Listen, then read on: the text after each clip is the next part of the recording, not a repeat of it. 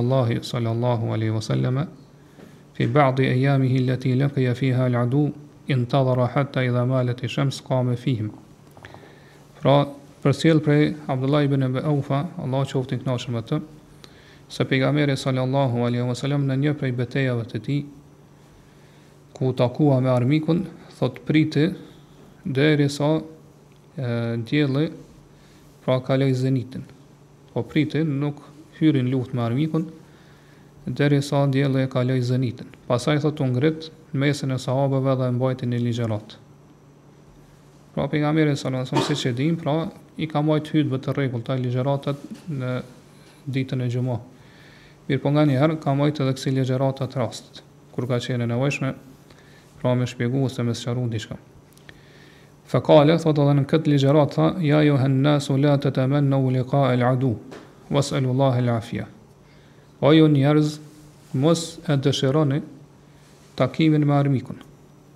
Mirëpo, kërkoni prej Allahut mirëqenie, shpëtim. Fa idha laqituhum, laqitumuhum fasbiru. Mirëpo nëse takoheni me armikun, atëherë tregohuni të duruar. Wa alamu anna al-jannata tahta dhilali as-suyuf. Edhe dijeni se xheneti është nën hijet e shpatave.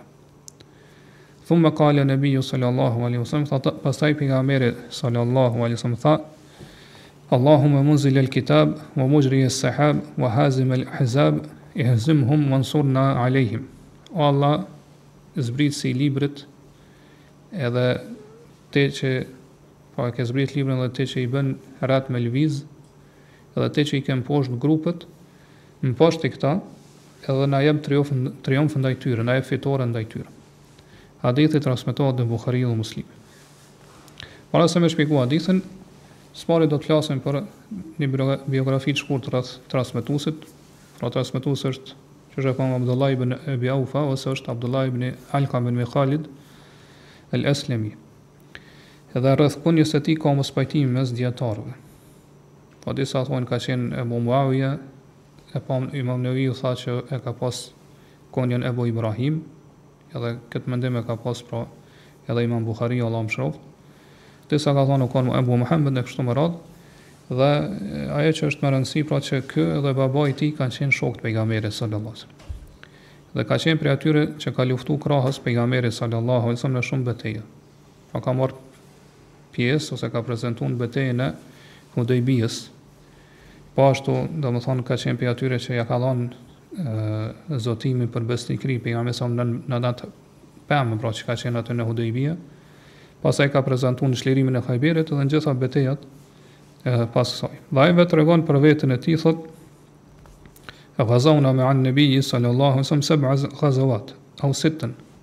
Kunna na'kulu al-jarad, thotë, kam marrë pjesë në gjashtë apo shtatë beteja me pejgamberin sallallahu alaihi wasallam dhe gjatë këtyre betejave thotë ne hanim karkalica.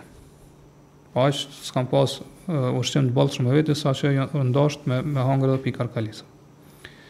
Edhe Ismail ibn Abi Khalid tregon thotë një ditë e pashë në dorën e Abdullah ibn Aufa një goditje, pra në parakrahun e tij, pra një shenjë Që tregon se është godit me shpatë apo me ndonjë armë të ngjashme. I thashë, "Çfarë është kjo?" Tha, "Këtë goditje e kam marrë në betejën e Hunejnit."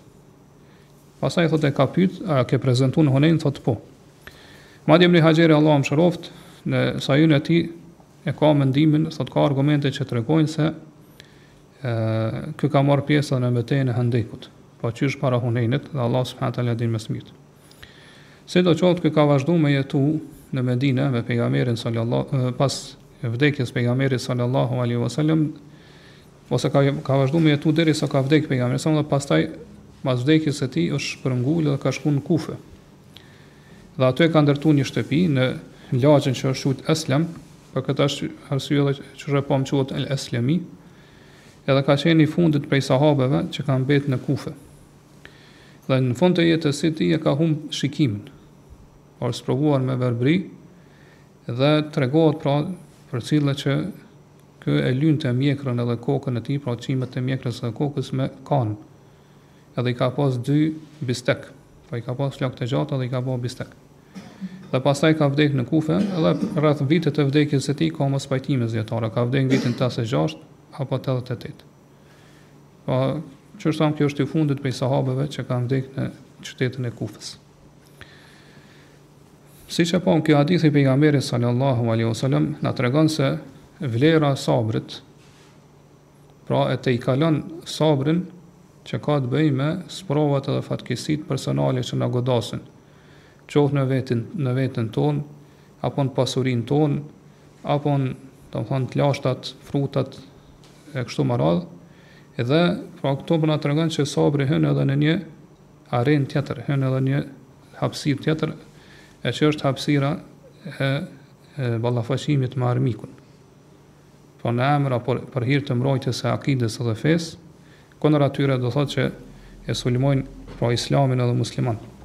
Dhe pejgamberi sallallahu alaihi wasallam pra si për çdo virtyt tjetër edhe për këto ka qenë pra shembulli edhe modeli më i lartë, shembulli më i mirë sa i përket trimërisë edhe sakrificës.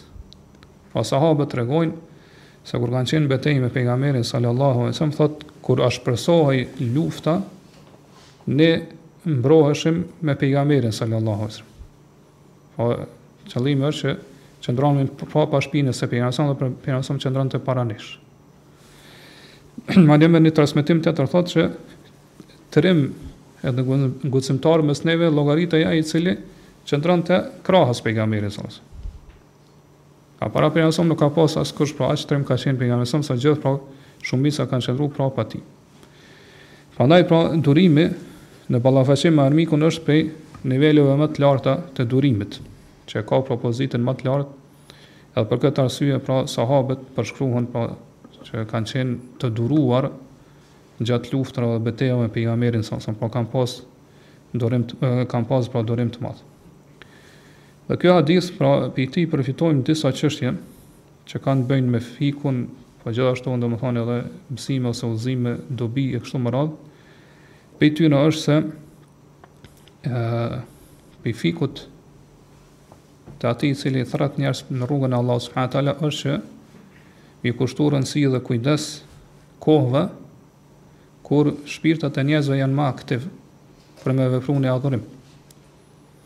Dhe kjo domthonë e pamë qartë prej hadithit të pejgamberit sallallahu alaihi wasallam që domthonë disa prej betejave ka prit derisa domthonë dielli e ka kalu zenitin dhe nuk u nuk u taku me armikun. Prandaj pra qëllimi është që nuk ka nuk u ballafaqu me armiqtë e tij në nxehtësinë e madhe, mirëpo ka prit derisa është fresku sadopak koha. Edhe që pastaj sahabët po kanë qenë më të freskët, pra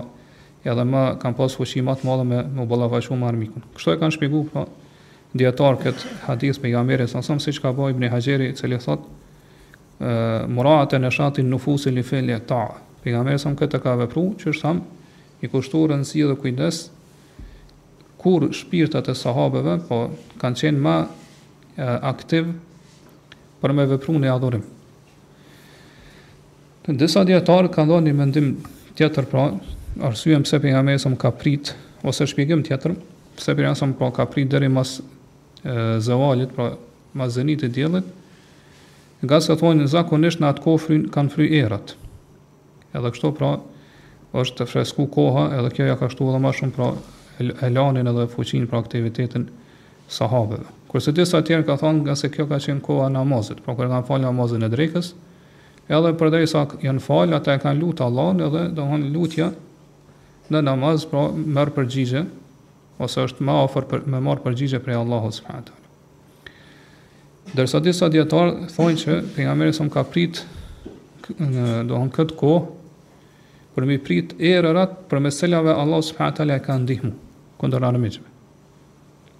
Po Allahu subhanahu teala i ka dërguar disa era të caktuara me cilat pejgamberi alejhi selam me cilat e ka ndihmuar pejgamberin alejhi selam pra si mrekulli prej Allahut kundër armiqve të tij.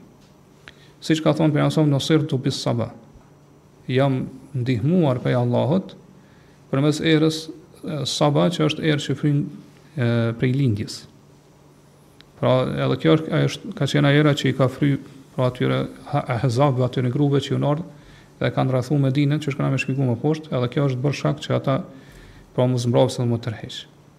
Kështu pra e shpjegojnë dijetarët, madje ka edhe një hadith tjetër që pejgamberi alejhi selam ka prit Po siç transmetohet te Ebu Davudi, Kâne yentedhiru hatta tezule esh-shems wa tahibbu wa tahibbu riyâh an-nasr, riyâhu an-nasr. Thotë pejgamberi alejhi selam ka prit deri sa të largohet pra dielli prej zenitit edhe të vijnë erërat e ndihmës, po me cilën Allahu subhanahu wa taala ka ndihmuar. Si, cilado që të jetë arsyeja ose shkaku, Që pejgamberi alejhi selam e ka vonu, pra ballafaqimin me armikun në deri në këtë kohë kur dielli e ka kalu, pra zavalin, zenitin, krejt kjo na tregon për atë që e nisëm, pra temën që pejgamberi alejhi selam i ka kushtu rëndësi të madhe kohës, në cilën pra shpirtat e sahabeve kanë qenë më aktivë për me vepru në adhurim.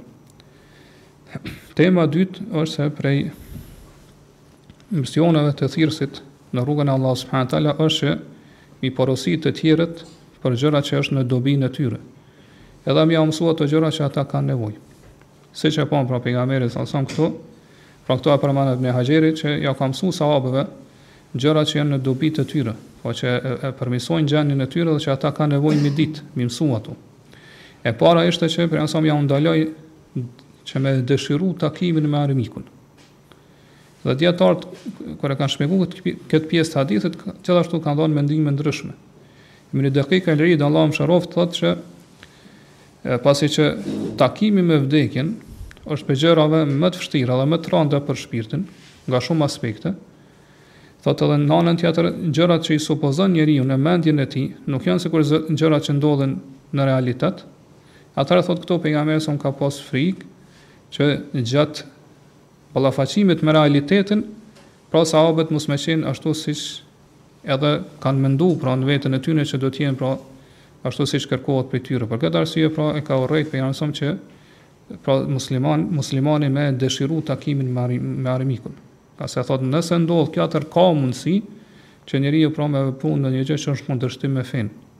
Po me ik prej frontit ose kështu me lëshu domethënë frontin përballë armikut e gjëra të tjera, prandaj thotë pejgamberi alejhi selam e ka ndalu këtë gjë që me dëshiru takimin me armikun, mirëpo në anën tjetër ka thonë që nëse ndodh, po kur ajo realisht ndodh, atëherë na ka urdhëruar me bë durim, me bë sabër.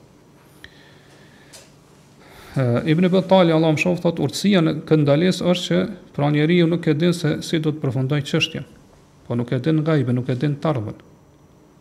se si çka ka me ndodh me to kur ballafaqohet me armikun për këtë arsye alejhi selam tha mos e dëshironi takimin me të prandaj thotë kjo është e ngjashme me hadithe të tjera ose vazhdimin e këtij hadithi që pejgamberi alejhi selam na ka mësuar dhe na ka urdhëruar na ka porositur që me lut Allahun me na dhon afia pra me na dhon mirëqenie me na rujt me na shpëtu prej fitneve dhe Ibn Hajeri thotë këtë interpretim e, e, e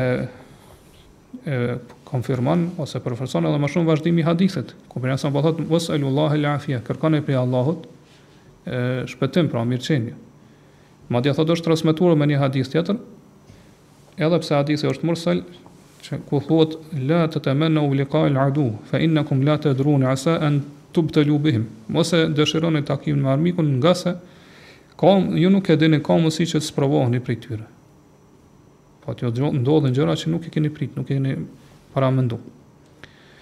Ndërsa Kurtubiu Allahu e mëshiroftë, kur e, e përmen arsyen, ose urtësin e kësaj ndalese, thot është me qëllim që njeriu pra e, mos me e nënvlerësu armikun. Edhe në këtë mënyrë pastaj mos me u përgatit për ballafaqim me, me të. Ngase mospërgatitja e mirë, për me u ballafaqu me armikun, thot kjo shkakton ose sjell rrezik të madh.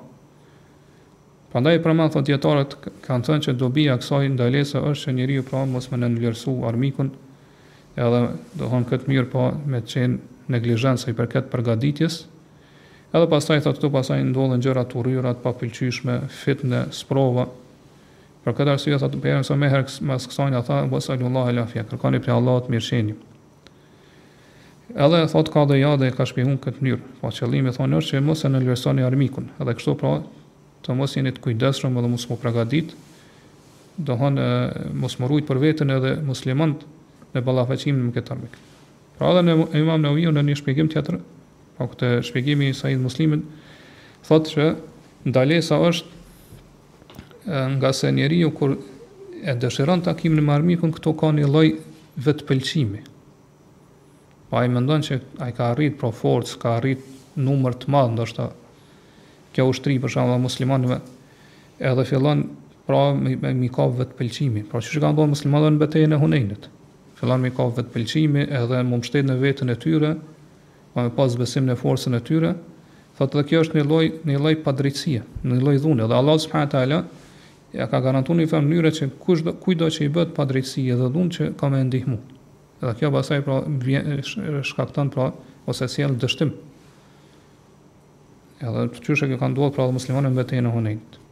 Prandaj gjithashtu thotë çështja e thamë më lart, kjo gjithashtu tregon që njeriu kur vepron këtë gjë,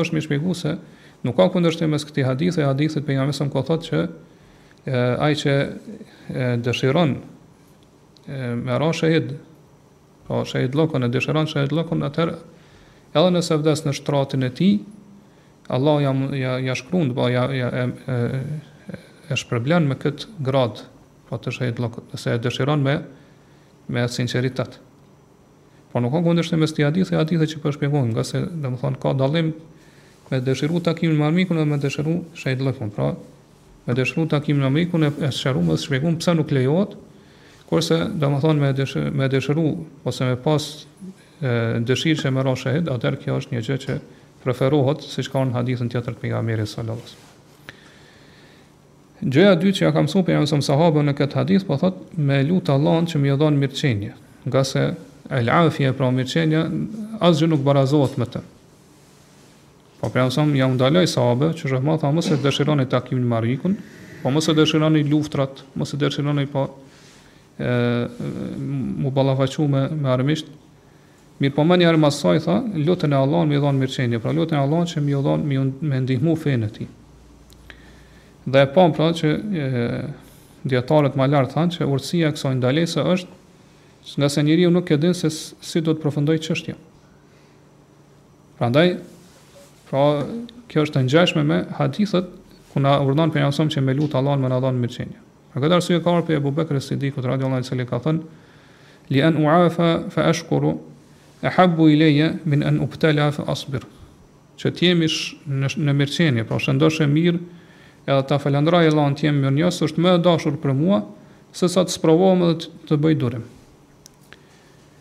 Edhe Kadi Iyadi ka thënë që disa prej selefit pra kanë thënë që pejgamberi sallallahu alajhi wasallam me këtë hadith pra ja kanë ndalu umetit të tij që me i dëshiru gjëra të urryera.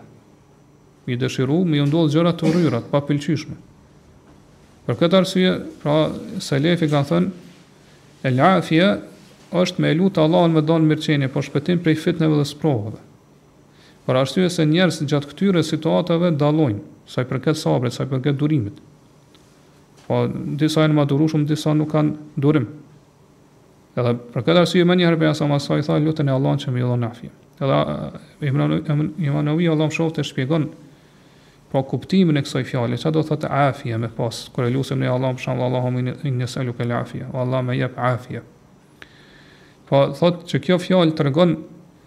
Për gjitha gjërat që janë të papëlqyeshme dhe të urryera, qoftë në çështjet e dunjas apo çështjet e fesë apo çështjet e ahiretit.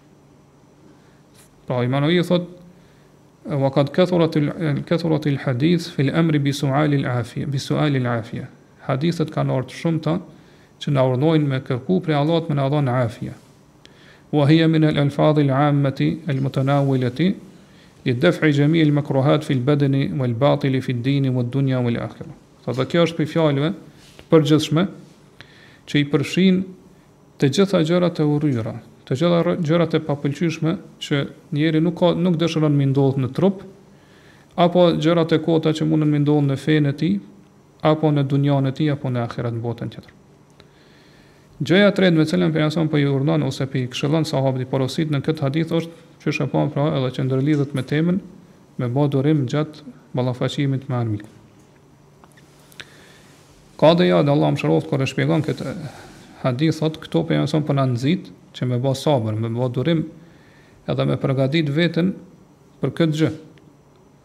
Ngase nëse njeriu pra e përgatit veten, atëherë është më i qëndrueshëm, më stabil. Edhe shpresohet pra me ardhë deri te fitorja, me ardhë deri te e, triumfi. Ndërsa thot nëse pra ata tregohen kanë frikë të madhe kur ballafaqohen me armikun, atëherë thot këto e, nuk punojnë as dorë as këmbë. Edhe kështu thot fillon armiku pra edhe triumfon ndaj tyre.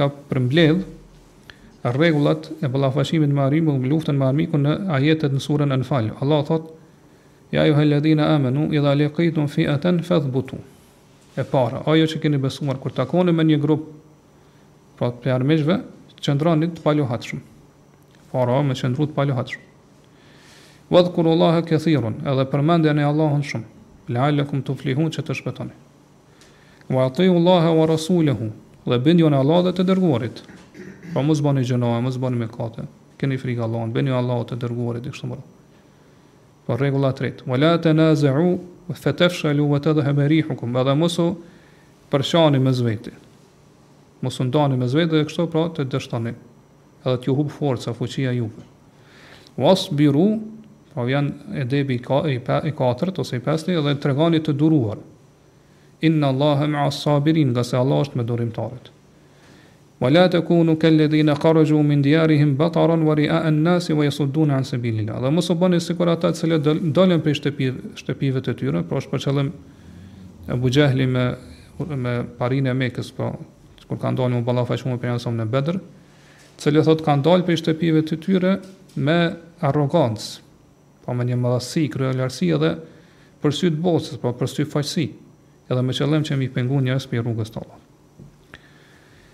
Mirë, e, prej temave tjera që i trajton kjo hadith, është që kjo hadith e preferon me bo dua, po muslimani duhet me bo dua gjatë vështërsive, brengave, edhe sprovave, veçanërisht gjatë vështërsisë së ballafaqimit me armikun, po me bo dua që Allahu me ja dhon triumf edhe fitore.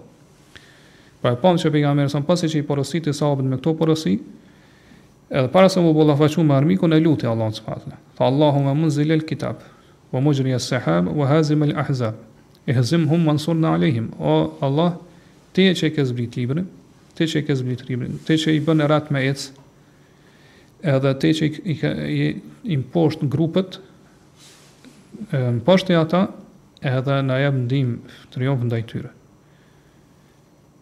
Pra, Ibn Haxheri thotë që këtu pejgamberi sallallahu alaihi wasallam po na jep shenjë me këtë dua për disa mënyra ose forma të triumfit të fitores ndaj armiqve.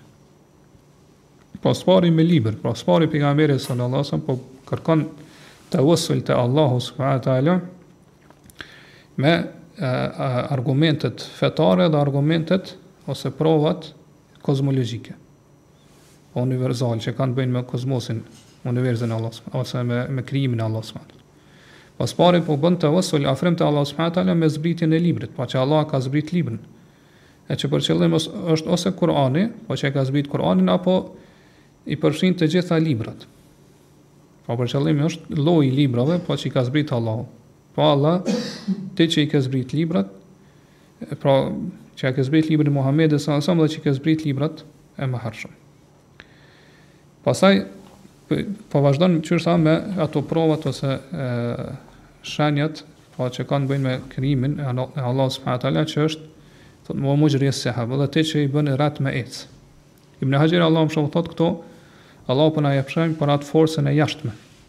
se si Allahu subhanahu wa taala i ka nënshtruar retë pra në dobi të njeriut.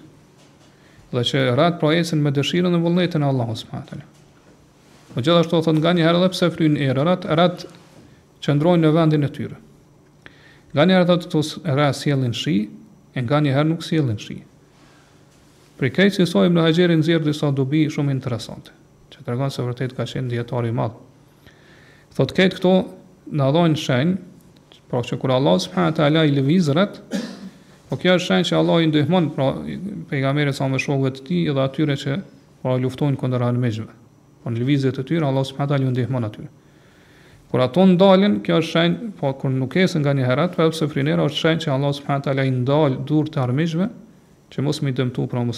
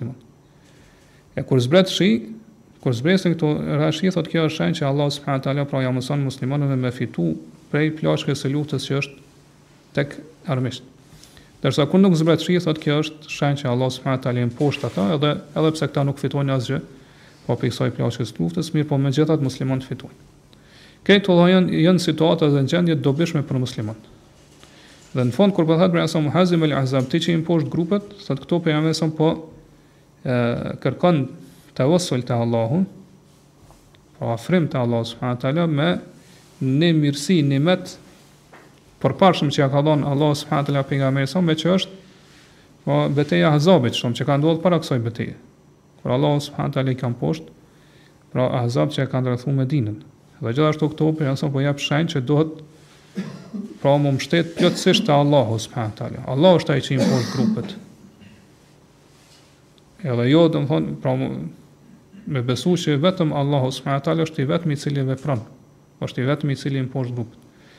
Po jo që njeriu pra me iu mbështet forcës së tij ose numrit të shumtë që janë ata ose përgatitjes fizike materiale kështu me radhë. Po fitorja vjen vetëm prej Allahut subhanahu wa taala.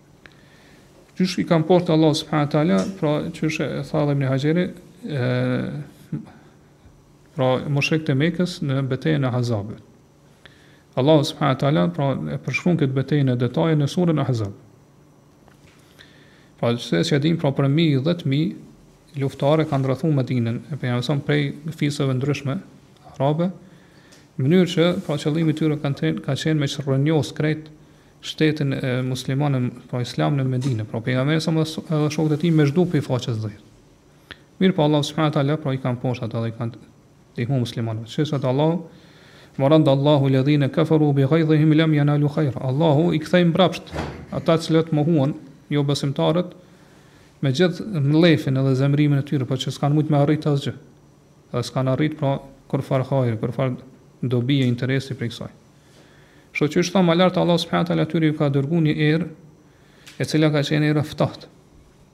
E edhe pra ajo e, ja ka fik zjarret që i kanë pas aty ndezur para tendave të tyre. Pra ja ka ato tendat ja ka nxjerr prej vendit, pra i ka fluturuar nëpër ajër kështu. Edhe s'kan mujt më me qëndru përballë kësaj ere. Pra ka qenë erë, qysh thamë, e fortë edhe e lindjes, pra erë e fortë edhe e ftohtë. Dhe kështu pra jon tërheq, jon tërheq dhe jon largu prej Medinës, dhe qysh thotë Allahu: wa kafa Allahu al-mu'minina al-qital, Allah Allahu i mjaftoi besimtarëve edhe s'patën nevojë me luftu, me u ballafaqu me këta armiq. Pra Allahu është ai i cili i ka mposht këta ahzab, këta këto grupe të fiseve të ndryshme që kanë ardhur dhe kanë rrethu Medinën, po pejgamberin sallallahu alajhi wasallam dhe shokët e tij. Po nuk ka qenë forca e njeriut. Po forca e pejgamberit samit dhe shokëve të tij që kanë i kanë poshtë ata. Mirëpo, ë, domethënë, forca është vetëm shkak, sebep.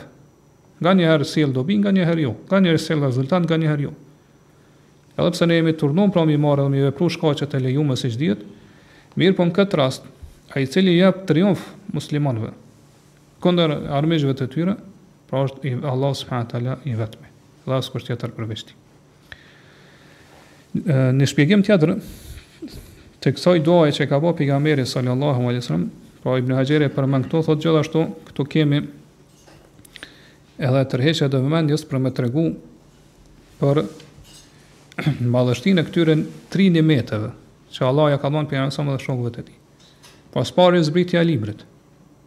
Përmes kësaj pra, arrihet nimeti i botës tjetër, mirësitë e botës tjetër, e që është Islami, por përmes Islamit arriten të mirat e botës tjetër.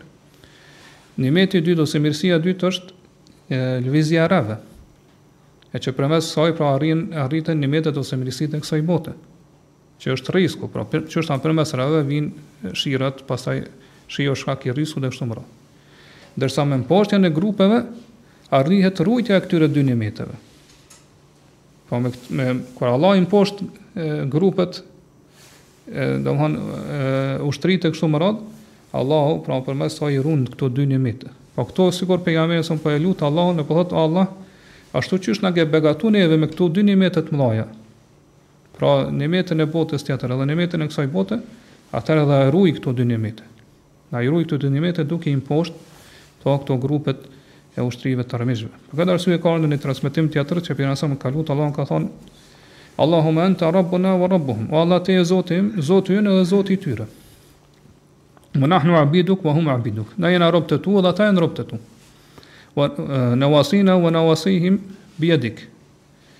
Çështja jona dhe çështja e tyre është në dorën tënde. Ose nëse e përkthejmë fjalë për fjalë hadithin është pa po, balluket tona edhe të tyre janë n'dorën tënde. Pra qëllimi është që ne jemi në dorën tënde, sikur na sikur ata. Po ti vepron çka dëshiron. Pastaj thotë fahzimhum wansurna alehim, kështu që mposhti ata dhe na ndihmo kundër tyre. Këtu disa dijetarë përmendin thotë se pejgamberi sallallahu alajhi wasallam këtu pra e, nuk u lut për mi shkatru Allahu ata. O me i fshi pi faqes dheut. Ngase pejgamberi sa ka shpresu që ata kan m'u udhzu në islam. Po thjesht ka ka lut Allahun që m'i dhon triumf fitore kundër tyne, jo që ata mi shkatru krejt. Dhe realisht kështu ka ndodh. Po shumë pi banorëve t'Mekës, ose krejt banorët e Mekës, pastaj Taifit, edhe veneve tjera që i kanë çliru muslimant, pra kanë hi grupe grupe siç e dimë në në fenë islame. Pi dobive tjera që përfitohen prej kësaj duaje që ka bërë pejgamberi sallallahu alaihi wasallam është që Lejohet me pas me ba rimë gjatë lutjes, mirëpo jo që këtë me ba qëllimisht ose m'u stërmundu me ba rimë. Mirëpo nëse vjen, pra duke mos u stërmunduar vjen rima gjatë lutjes, atëherë është e lejuar inshallah, nuk prish punë. Edhe e pam pra atë bukurinë e ritmit të kësaj lutje të pejgamberit sa sa edhe po sa bukur e thuri këtë lutje, pra me këtë me këto rima kaq të mira, Sa që i ndajti këto katër fjali, krejt kjo tregon për elokuencën që e ka pas Pejgamberi sallallahu alaihi wasallam dhe oratorinë e tij që e ka përdor gjatë fjalëve dhe lutjeve të tij dhe po atë atë stilin e këndshëm që e ka përdor madje edhe në kohët më të vështira siç ka qenë pra ballafaqimi me armikun dhe nuk ka pra e, kjo nuk është po një gjë që është larg mendsh për arsye se siç e dimë pejgamberit sallallahu alaihi wasallam pra i janë dhënë ato fjalët përmbledhëse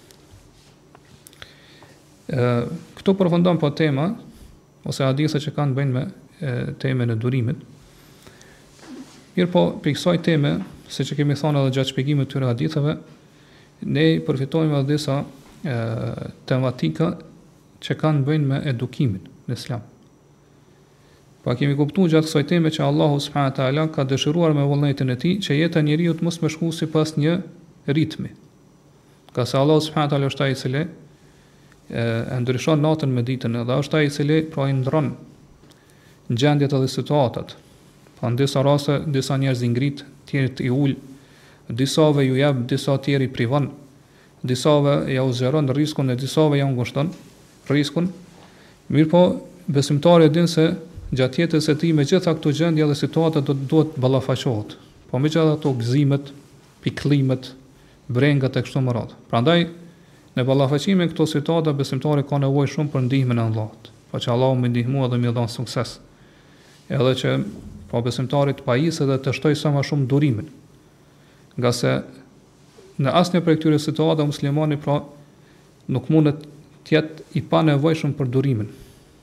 Po ka nevojë shumë për durim, në mënyrë që po të qëndrojë i palohatshëm në ballafaqimin me këto situata në jetën e tij. Për këtë arsye Allahu subhanahu wa taala, siç e kemi marrë po gjatë shpjegimit të këtyre haditheve, ka urdhnu robërit e tij besimtarë m'u tregu të duruar, edhe me porositë njëri-tjetrin për durim.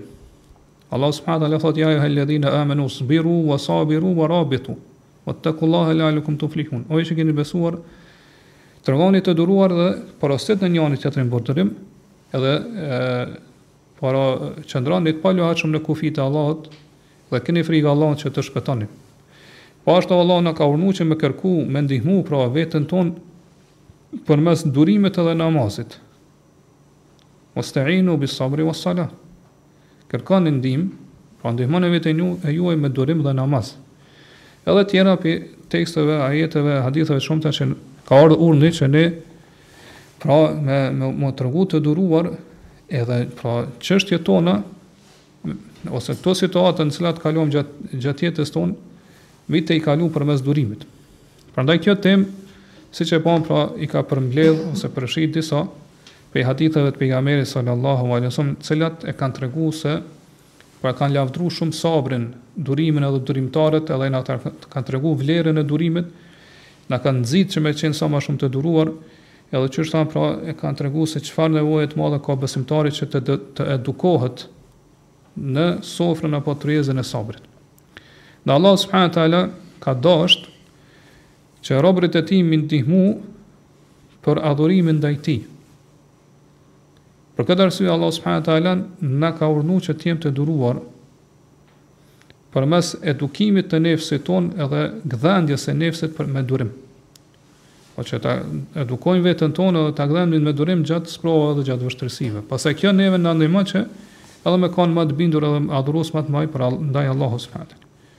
Dhe për këtë arsye pra pejgamberi sa na ka sqaru në këto hadithe rëndësinë që besimtari pra t'i kushtojë rëndësi dhe kujdes të veçantë sabrit, përmbajtjes së sabrit apo çështja me ndihmu veten përmes sabrit, ngase në këtë mënyrë besimtarit i jepet sukses për çdo hajër, për çdo mirësi. Madje hajri, i gjithë hajri, e gjithë mirësia është në edukimin e vetes edhe stërvitjen e vetes me durim. Për këtë arsye Allah thotë inna ma yuwaffas sabiruna ajrahum bighayri hisab. Vërtet durimtarëve vetëm durimtarëve i jepet shpërblimi i Allahut pa llogari, pa masë. Veç Allah e din sa i shpërblen ata. Po kur sabri bëhet pjesë e karakterit besimtarit, edhe bëhet rrugë cilën ai ndjek në jetën e tij të përditshme, atëherë pa dyshim pas saj nefsi i tij ka me shkelqy me knaqsi, falendrim edhe lavdrim ndaj Allahut subhanahu taala për çdo situatë. Prandaj pra ka qenë prej udhëzimeve të pejgamberit alejhi selam që me eduku sa, sahabët e tij, shokët e tij me qenë të duruar edhe me shpresu në shpërblimin e Allahut subhanahu taala për këto sprova. Kështu që prej atyre formave më të dallume dhe dukshme që i kemi pa gjatë shpjegimit të hadith, haditheve, për mesela me Pejgamberi alejhi selam i ka eduku sahabët me qenë durimtar, e para është edukimi përmes shembullit. Kjo siç e dim pra është prej metodave që ka, ka ndikimin ma të madh në shpirtin e njeriut, po që Te me qenë shembull për tjerët, para se me ju folë për një virtyt apo për një gjë të mirë. Dhe Pejgamberi alejhi selam na ka dhënë ne me shembullin më të mirë për durimin, se si duhet me qenë të duruar edhe tolerant ndaj tjerëve, edhe në këtë, me këtë gjë pra thamë i ka eduku dhe sahabët. Po pejgamberi alejhi selam ka qenë ai që po ka bë durim të madh, me gjithë sprovat e shumta që u ballafaqu gjatë jetës së tij dhe ka shpe, ka ka pas shpresë të madhe në shpërblimin e Allahut subhanahu Pra, është ballafaqu, është përball me ofendime, me lëndime, me sprova në rrugën e ndihmesës ndaj fesë së Allahut subhanahu wa taala.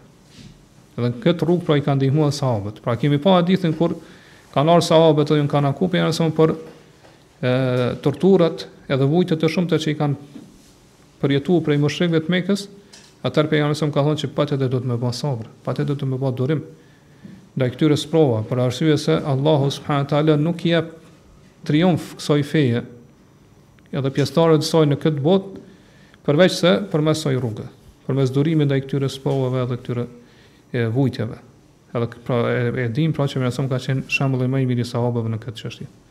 E dyta është që Pejgamberi alejhi selam na ka treguar që prej prej synimeve apo qëllimeve të edukimit islam apo fetar është që me ndërtu një personalitet të drejtë islam, të muslimanit pra është fjala.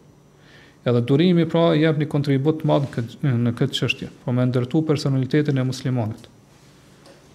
Po përmes edukimit, që thamë edhe stërvitjes së vetes, trajnimit të vetes me sabër dhe durim, atëherë kjo Patjetër që, pra, personalitetit isl-muslim, të muslimanit ka me i dhanë qëndrueshmëri, ka me i dhanë stabilitet në ballafaqim me sprovat edhe fitnet edhe fatkeqësitë me të cilat ka me u ballafaqu pra në jetën e tij. Dhe pejgamberi sallallahu alaihi wasallam pra iu ka shpjegu sahabeve përmes këtyre haditheve shpre, shpërblimin e atij që është durimtar edhe që është muhtesib, pra që shpreson në shpërblimin e Allahut subhanahu wa taala. Gjithashtu i ka mësu Pra, se çka duhet me thonë muslimani kur i ndodh sprova? Po me thonë, inna lillahi ve inna ilaihi rajiun, të Allahut jemi dhe te ai do të kthehemi. Ngase kjo është një lloj mbrojtje, me të cilën mbrohet personi, i cilin e personi i cilin e ka godit sprova në mënyrë që mos m'u godit me ndonjë traumë ose goditje të madhe, e që pastaj pra me humb mendin e tij dhe mos me dit çka po flet dhe çka po vepron.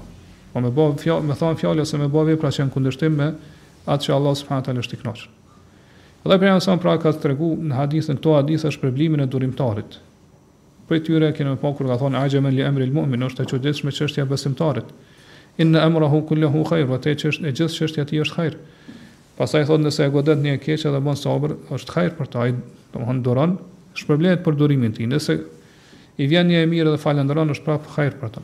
Pastaj edhe hadithe tjera që i kemi shpjeguar do t'i përmendim pak më poshtë.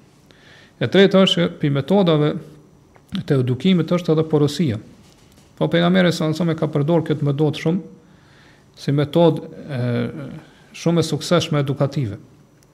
Për arsye se edhe kjo ka ndikim të madh në sjelljen e besimtarit. Po kur ai sahabiu ka ardhur te pejgamberi sallallahu alaihi wasallam dhe ka kërku porosi prej tij, e kemi pa që pejgamberi sallallahu alaihi wasallam e ka porosit, ka thonë la taghdab, mos u zemro. Ai ka parashtru kërkesën e tij, e tij edhe shumë herë tjera, mirëpo çdo herë pejgamberi sallallahu alaihi wasallam ka përgjigj njëjtë. Ka thonë la taghdab, mos u zemro. Këtë udhëzim madhështor edukativ të pejgamberit sallallahu alaihi wasallam, pra kemi porosi edhe urdhër që mu largu prej shkaqeve që e sjellin zemrimin. Për arsye se, siç kemi thonë pra më herët, zemrimi është çelësi i çdo të keqe, i çdo sherri. Ai që nuk ka mundësi, pra me me kontrollu, me mposht veten e tij, me kontrollu nefsin veten e tij gjatë zemrimit, atëherë është edhe më i pafuqishëm që mi kontrollu edhe do thot me me rregullu sjelljet e tij të këqija në raste të tjera në situata të tjera. Prandaj pra sabri duhet të jetë prej tipareve të pandashme për çdo musliman. Ngase pa sabër nuk mundesh me arrit atë që ki për qëllim dhe atë që dëshiron. Pra nëse sabri qenka pra prej gjërave të pandashme që njeriu me vazhdu jetën e tij edhe me arrit qëllimet e sunimet e tij, atëherë muslimani por në veçanti ka më shumë nevojë që me pas sabër dhe me ndihmu vetën e tij, me, me sabër se sa çdokush tjetër. Po në çdo situatë dhe në gjendje që në kalon. Ngase muslimani siç e dimë, e thamë dhe ma lartë, është e kërkohet prej ti, Që me e gdhen nefsin e tij. Ma me e gdhen nefsin e tij dhe me ndal me frenu prej gjynaheve. Ngase, pasaj prej këtyre gjynaheve, gjynahet ka një lloj kënaqësie, që përjeton nefsi. Që që njeriu këtu ka nevojë shumë për sabër. Po për durim të madh që me kontrolu këtë nefs. Po me frenu edhe me ndalu, duhet me pas pra vullnet fort, që mos me rënë këto gjynahe. E njëjta thuhet edhe për obligimet. Po edhe obligimet, siç e dimë, pra kanë nevojë për sabër që me i kry pra urdhërat me cilat na ka urdhëruar Allahu subhanahu teala kështu më E katërta është që pejgamberi s.a. i ka eduku sahabët përmes nxitjes, përmes stimulimit. Edhe po edukimi përmes nxitjes është prej gjithashtu prej metodave edukative shumë të rëndësishme, ngase Allahu subhanahu teala pra e ka kriju njeriun të atillë që me dashtë hajrin. me dashtë të mirën, edhe me shtu sa ma shumë prej të mirës, edhe me pas kujdes, pra mu rujt prej të keqes, prej dhimbjeve, prej mjerimit, prej përfundimit të keq, e kështu me radhë. Dhe përderisa rrugët e hajrit të mirës janë të rrethuara me gjëra që i urren shpirti, siç ka në hadithin me thonë që xheneti është i rrethuar me gjëra që nuk i don shpirti, pra me gjëra që e kundërshtojnë atë dëshirën e shpirtit ose dëshirat e tij, ndërsa rrugët e sherrit, rrugët e të keqes janë të rrethuara me gjëra që i joshin edhe i tundojnë pra shpirtat tonë, edhe mendimet tona, siç ka thënë pejgamberi s.a. pra që xhehenemi është i rrethuar me me gjëra që i don shpirti, atëherë prej bazave, parimeve të edukimit islam është ose që i kërkon edukimi islam është që pra tek njerëzit me pas një forcë po në në nefsin e tyre në shpirtin e tyre me pas një forcë që i nxit ata që i shtyn me lëviz po i stimulon drejt rrugës së udhëzimit po forca e cila është shtesë ndaj bindjes Dhe gjithashtu domethonë këto parime kërkojnë që me pas gjithashtu një forcë që i ndalon ata që mos me ndjek rrugë të këqia, pra mos me ndjek rrugë të devijimit, që gjithashtu është shtesë ndaj bindjes që e ka njeriu. E këto dy forca pra janë që do e, nxitja apo inkurajimi dhe dekurajimi. apo stimulimi nxitja dhe paralajmërimi edhe siç e kemi pa gjatë këtyre haditheve pejgamberi s.a.v.s. pra i ka përdorë shumë këto dy metoda gjatë edukimit të sahabeve po i ka eduku përmes stimulimit e cila pra siç thamë përfshin ose përmban nxitje edhe inkurajim përmes kësaj forcës e cila pra e, e shtyn njeriun Pra e, e, e vën në lëvizje njerin që me bo punë të hajrit, me bo punë të mira. Po pra, kjo është misioni i saj ose detyra e kësaj force, pra që një, mi stimulu ato dëshirat e njeriut që me, me këto dëshira me qenë të orientuara të drejtuara ka rrugët e hajrit. Po pra, ka rrugët e mirësisë, ka rrugët cilat i donë Allahu subhanehu teala. Dhe që pastaj këto mi largu ato pengesat e nefsit që i ka njeriu, cilat e largojnë po pi këtyre rrugëve t'hajrit ose nëse njeriu pra shpirti i tij adoptohet edhe kënaqet me me rrugët e sherrit ose me ato tundimet edhe joshjet e sherrit, atëherë ato bëhen pengesë. Edhe e pengojnë që mos me ndjek rrugët e hajrit, mirëpo me u drejtu ka rrugët e ndryshme të sherrit Allahu na ruajt. Do të thonë pra që Pejgamberi sallallâhu alejhi ve sellem ka përdorë metodën e stimulimit apo nxitjes inkurajimit si metodë shumë të suksesshme, pra edhe që ka përgatit pra sahabët e tij, pra atë sjelljen ose karakterin e tyre, po gjithashtu në mes të kësaj metode thotë pejgamberi sallallâhu alejhi ve sellem ka përdorë edhe shpesh duke i përshkruar atyre me një përshkrim shumë të mrekullueshëm kënaqësitë e xhenetit. Krejt kjo siç thamë është që mi ngacmu emocionet edhe ndjenjat e sahabëve. Po pejgamberi sa sallallahu alajhi nuk ka qenë i pavëmendshëm ndaj çdo rruge ose metode që e orienton edhe drejton njeriun ka rruga e drejtë, domthon ka mënyra ose metoda që e përmison jetën e tij, edhe kuptohet fenë e tij dhe ahiretin botën e tij. Për shembull, që i kemi përmend më herët, ose që kemi shpjeguar prej haditheve të kësaj teme është se pejgamberi s.a.v.s. u ka thënë sahabëve që Allahu subhanahu teala ka thënë. Pra është hadith kudsi që robi im për robin tim cilit ia kam marrë një të dashur prej të dashurve të kësaj bote, po që e ka dashur shumë, nuk ka shpërblim tjetër përveç se xhenetit. Hadithin tjetër pejgamberi s.a.v.s. ka thonë që çdo gjë që godet muslimanin, qoftë lodhje, qoftë smundje, breng, pikllim, ndonjë lëndim e kështu me radhë, madje thotë edhe ndonjë therr, gjemb që e therr e shpon ato, veç se Allah subhanahu wa taala do t'ia shlyej mëkatet përmes saj. Po ashtu pejgamberi s.a.v.s. ka thënë, po siç e kemi marr hadithin, kush e e, e mban mllefin, kush e mban zemrimin e tij, duke pas mundësi me me punu me këtë zemërim, pra me e zbatu tek tjetri, atëherë thotë Allahu subhanahu wa taala ka me e thirr në prezencën e krejt krijesave në ditën e Kiametit dhe ka me ia mundësu me zgjedh cilat dëshiron prej hurive të xhenetit.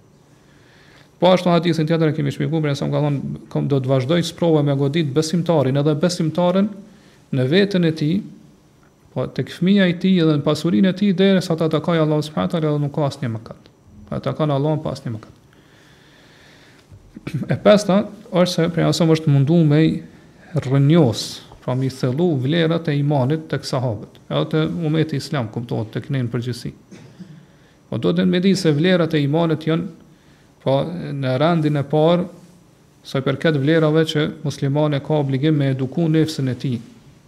me këto vlera dhe me qenë i kujdesshëm që me ju përmbajt këtyre vlerave gjatë jetës së tij. Dhe kemi pa se si pejgamberi sallallahu alajhi wasallam e ka urdhnuar atë gruan e cila i ka vdek foshnja e saj ose fëmija i saj edhe ka pa duke qajt shumë te varri i tij, atëherë pejgamberi sallallahu alajhi wasallam e ka këshillua ka thonë, ittekilahe wasbiri, ki frikë Allahun, edhe tregohu e duruar,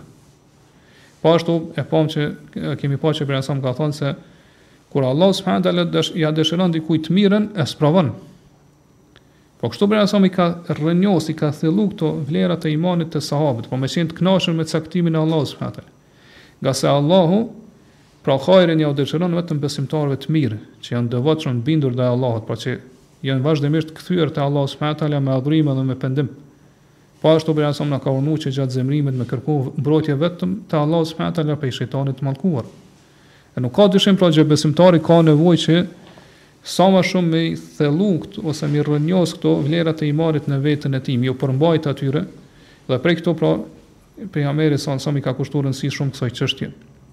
Dhe gjithmonë qysh e pamë më lart ato situatat Edhe gjendjet praktike nëpër të cilat kalon besimtari dhe i shfaqen pra gjatë jetës së tij, pejgamberi sallallahu alajhi wasallam gjithmonë e ka lidh i ka lidh këto çështje pra me me iman, me vlerat e imanit, pra që me ditë se sado të shumta që janë format e sprovave edhe fatkeqësive gjatë jetës,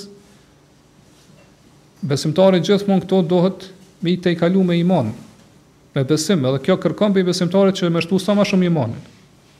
Edhe nëse shton imanin, atëherë me lejen e Allahut subhanahu wa taala kjo ia mundëson nefsit të besimtarit që me shtu edhe me fitu sa më shumë pra qëndrueshmërinë ndaj këtyre përballë këtyre sprovave edhe me ju dorëzu pra kaderit të Allahut dhe me kanë i kënaqur me këtë kader. E gjashta është që pejgamberi sallallahu alajhi wasallam gjithashtu është munduar mi rrënjos te sahabët vlerat e akhlakut, moralit dhe sjelljes së mirë. Pra nefsi i njeriut ka nevojë pra që mu edukua edhe në këtë aspekt, mu gdhen edhe në këtë aspekt. Pra që te ai mbillen pra vlerat e moralit dhe sjelljes së mirë. Prandaj pejgamberi sallallahu alajhi wasallam i ka kushtuar rëndësi të veçantë kësaj çështje.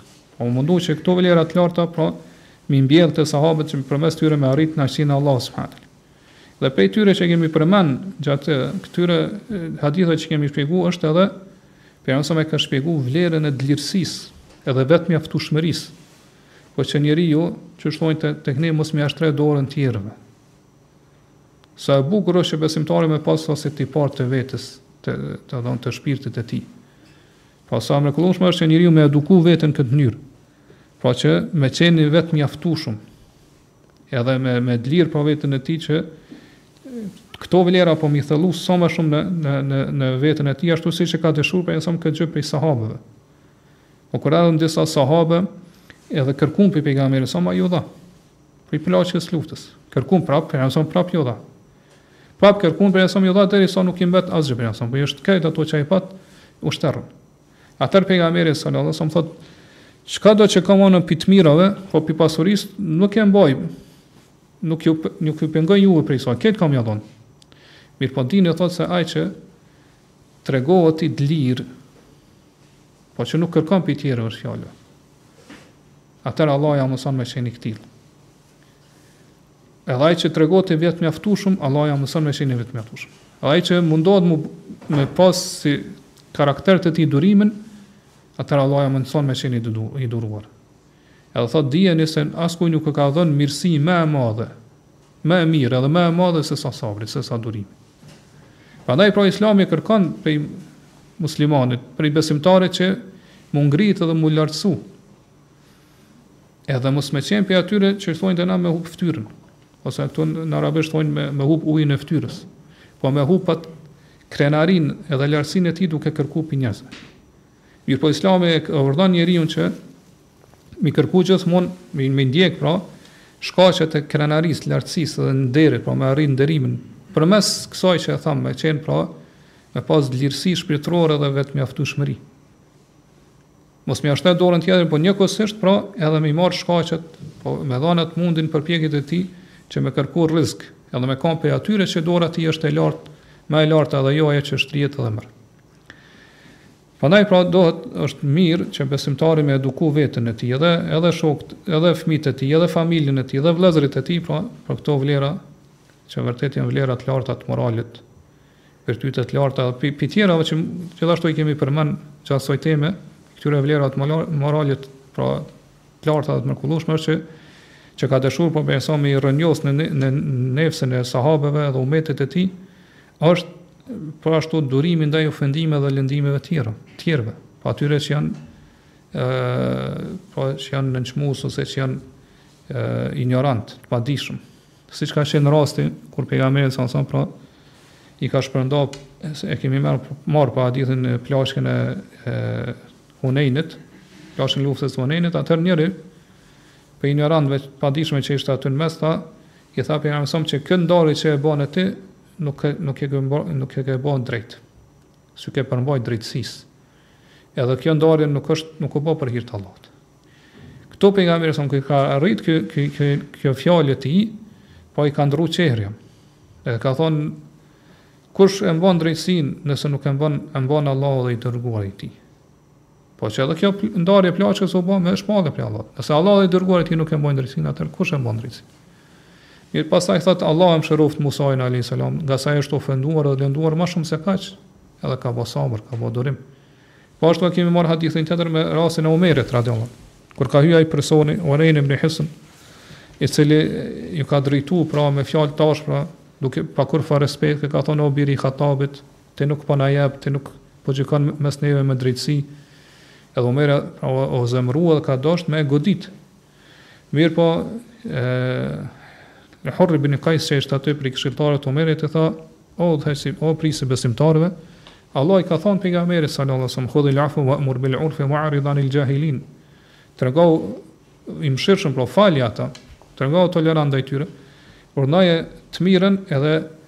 Shmangu prej këtyre të paditurve. Shmangu prej këtyre që pra kanë këtë sjellje, këtë moral të keq, pra në natyrën e tyre që me ofendu të tjerët ose me nënçmu e kështu. Largohu prej tyre, shmangu. Edhe kjo është prej tyre. Thotë edhe Omeri sa ka dëgju këtë ajet, menjëherë u tërheq. Dhe ngase ka qenë, thotë i këtil që kur ka lexu ajetet e Allahut subhanehu teala, u ndalë menjëherë.